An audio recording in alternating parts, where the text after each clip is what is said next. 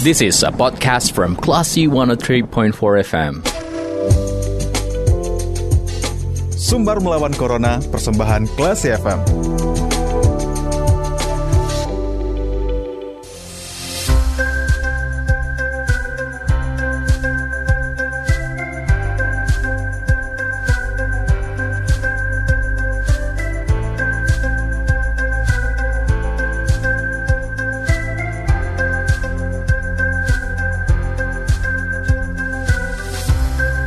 103,4 Classy FM bersama kita lawan Corona. Classy People, saatnya Anda mencermati program Sumber Melawan Corona bersama saya, Bimo Alvaro. Dan untuk Sumber Melawan Corona kali ini kita sudah tersambung via telepon ada Firdaus Dizo, selaku pengamat hukum kesehatan yang akan berbincang seputar vaksin, kasus COVID yang menurun, dan juga pelonggaran yang beberapa waktu yang lalu mulai ditetapkan pemerintah bahwasanya untuk melakukan perjalanan via penerbangan itu tidak harus menyertai surat uh, tes rapid antigen di Classy People. Langsung kita sapa uh, di sore hari ini. Assalamualaikum, selamat sore Bang Dizo. Selamat sore Bung Bimo. Gimana kabarnya Bang sore hari ini? Alhamdulillah sehat. Apa kabar semuanya? Alhamdulillah juga sehat nih Bang.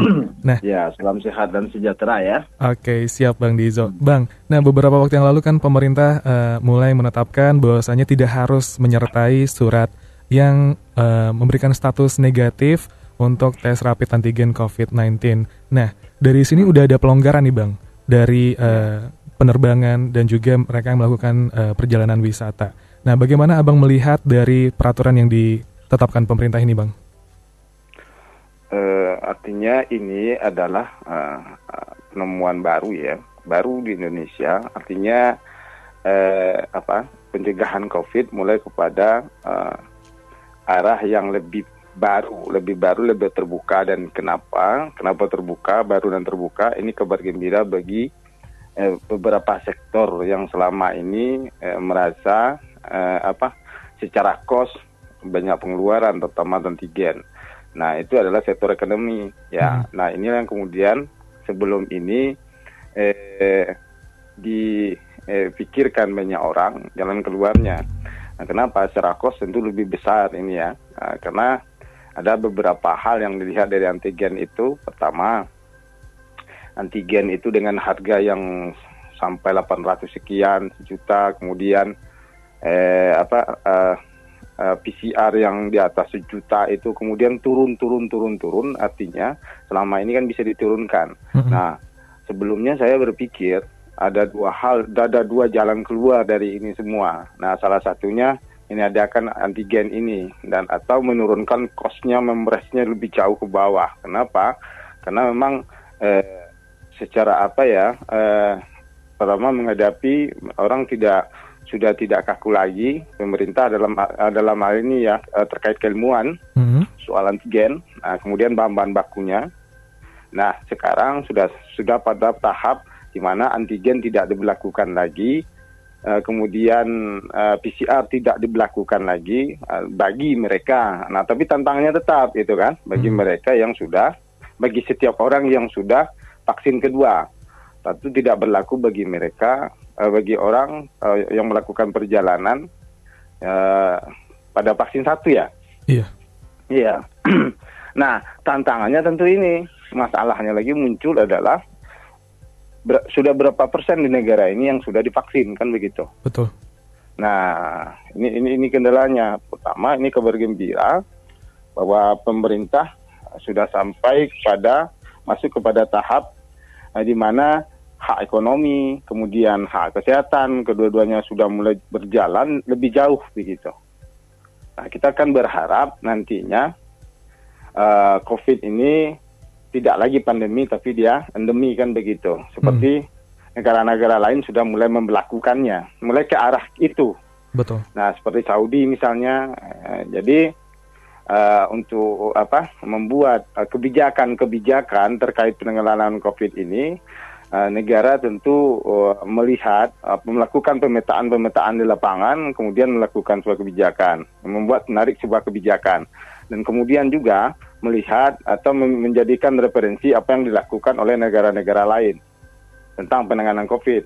Nah ini kan juga dilakukan oleh Saudi Arabia, kemudian Malaysia kemarin tuh uh, surat edarannya sudah keluar dari negaranya atau kebijakan sudah dirilis oleh negaranya bahwa dia akan menuju kepada uh, endemik bukan lagi pandemik. Tetapi saya lihat di sana uh, kenapa dia melakukan itu? Karena dia sudah uh, mencapai vaksinasi itu vaksinasi kedua maksud saya ya vaksinasi lengkap itu mencapai mm -hmm. 98 persen.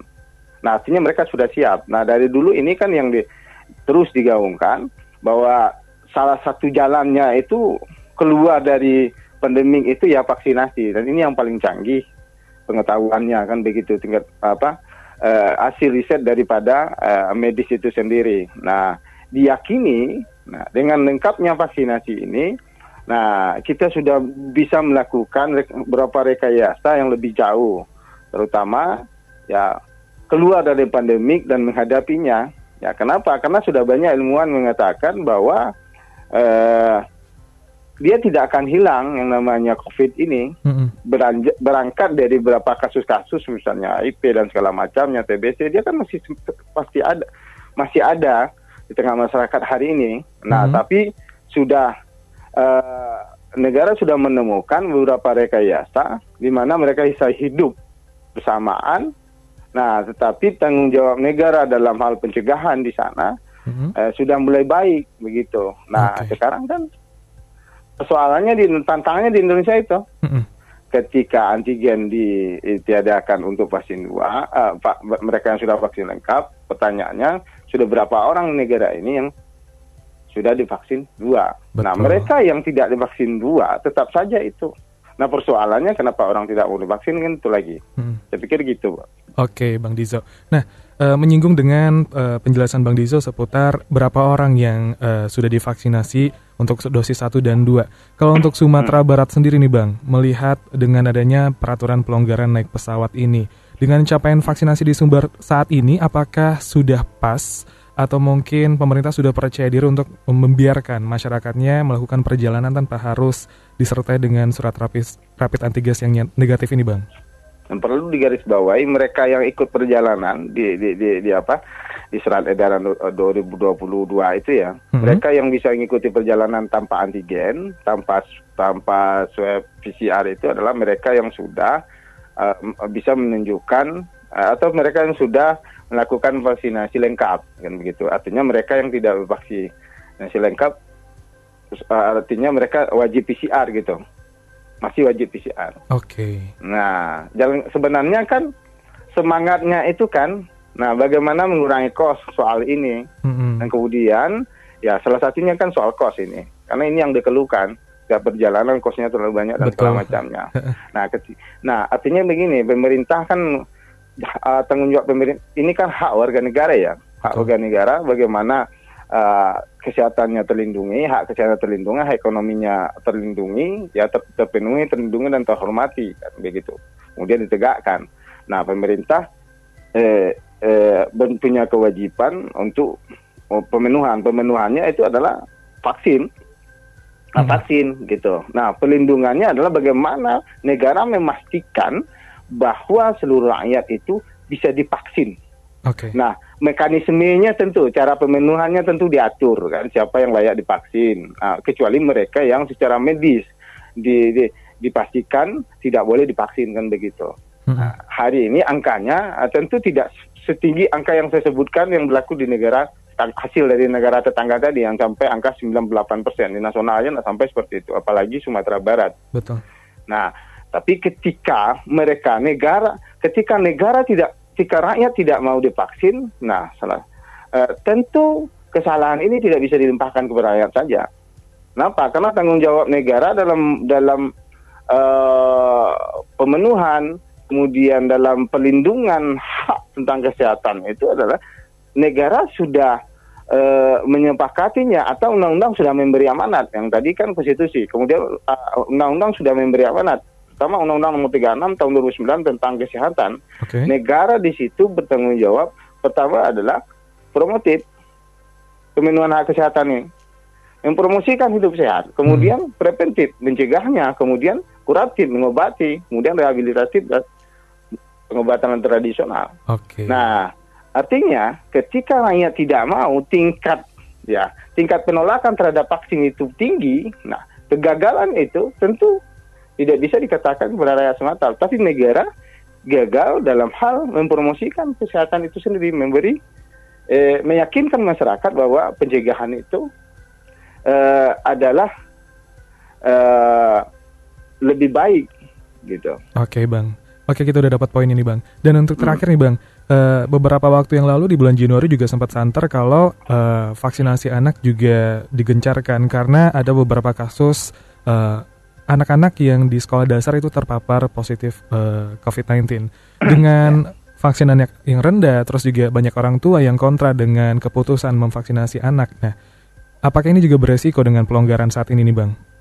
Tentu iya, artinya gini, pelonggaran itu dibuat karena memang negara sudah bisa meyakini bahwa di sini imunitas masyarakat sudah dikuatkan. Okay. Nah, sekalipun jaminan imunitas itu tidak ada jaminan orang tidak ter, ter, ter eh, terjangkit atau uh, bisa positif COVID kan begitu. Tetapi hmm. uh, ini hasil uh, apa alternatif ini ya kenapa? Ini ini dikatakan alternatif jalan keluar vaksinasi ini adalah untuk meminimalisir angka kematian. Okay. kenapa? Hukum yang tertinggi di, di, di, di, di kesehatan itu adalah keselamatan pasien. Nah ini soal nyawa kan begitu. Nah artinya ketika ini dilonggarkan orang bisa tatap muka nah tetap vaksin angka vaksinasi ukurannya tentu vaksinasi di tingkat anak itu di, di sekolah itu. Kemudian adalah protokol kesehatan. Jadi umpamanya begini, nah orang-orang ribut di bawah, kan? Vaksinasi nanti beresiko. Kalau ya iya. sudah ada dua sudah dua tahun kita di COVID lebih uh -huh. ya dua tahun ya kalau nggak salah, hampir lebih deh. Betul, hampir nah, ke tahun ketiga nih bang. Nah, dalam tahun ketiga masih orang memperdebatkan soal itu. Oke. Okay. Oke. Okay. Nah, artinya peran serta dalam pemerintah dalam hal ini dinas kesehatan untuk masyarakat tentang manfaat dari vaksin ini. Okay. Nah, ini, ini dan kemudian sebenarnya apalagi tingkat anak ya, tingkat anak ini kan termasuk baru ini, mm-hmm. ya. Nah, kemudian eh, di, di, di, di perguruan tinggi itu saya temukan seperti itu. Nah, kampusnya sudah berani buka apa? Uh, buka tatap muka dengan rekayasa itu ya. Saya tanya mahasiswanya, ini sudah vaksin belum? Belum. Aduh. Nah, ini dia persoalannya. Okay. Ya. Nah, okay. kemudian di tingkat orang tua saya tanya ada juga yang mengatakan ini bahaya-bahaya vaksin. Nah, itu kan yang dia serap itu adalah infodemik. Nah, artinya kan begini, kembali kepada negara memenuhi. Negara itu kewajibannya memenuhi, melindungi, kemudian menghormati, kemudian menegakkan. Nah, dia harus bersifat aktif, tidak boleh paksis. Jadi tidak dulu boleh negara itu me, me, me, menunggu men, menunggu tapi dia harus jemput bola bola. Kemudian peran serta masyarakat dalam hal ini apa? Ya kan? Nah oke okay, uh, bagaimana menghindarkan masyarakat dari infodemik infodemik itu adalah info dalam uh, dunia medis. Nah vaksin ini mengandung inilah segala macam mm -hmm. lah. Nah ini ini ini tantangannya karena memang sebelum vaksin sebelum vaksinasi sebelum covid ini ada ya uh, masyarakat memang tidak melek vaksin atau imunisasi ini. Oke. Okay. Nah, ya imunisasi cacar dan segala macam masih diperdebatkan dengan masyarakat dan hmm. itu masyarakat menghadapinya dengan mitos. Nah, okay. nah ya ya ilmu ya ke ilmu apa uh, ilmu dihadapi dengan mitos kan seperti itulah. Oke, okay, Bang Diza. Oke, kita udah dapat poin ini, Bang dan semoga hmm. masyarakat bisa terhindar dengan info hoax ya, Bang ya. Yes. Oke, okay. Bang Dizo, terima kasih waktunya di sore hari ini. Keterbatasan waktu membuat kita harus uh, menyelesaikan percakapan kita, tapi kita harapkan ini juga bermanfaat untuk masyarakat dan juga classy people yang masih enggan untuk, untuk divaksinasi. Bang Dizo, ya. selamat bertugas kembali. Sampai ketemu di lain kesempatan. Assalamualaikum. Waalaikumsalam. Selamat siang, sore. Oke, okay, classy people, demikian sumber melawan corona bersama Bang Firdaus Dizo selaku pengamat hukum kesehatan. Demikian sumber melawan corona kali ini kita ke program selanjutnya. Terima kasih. Anda sudah mencermati program Sumber Melawan Corona. Cermati podcast obrolan ini di www.classfm.co.id atau download aplikasi Class FM.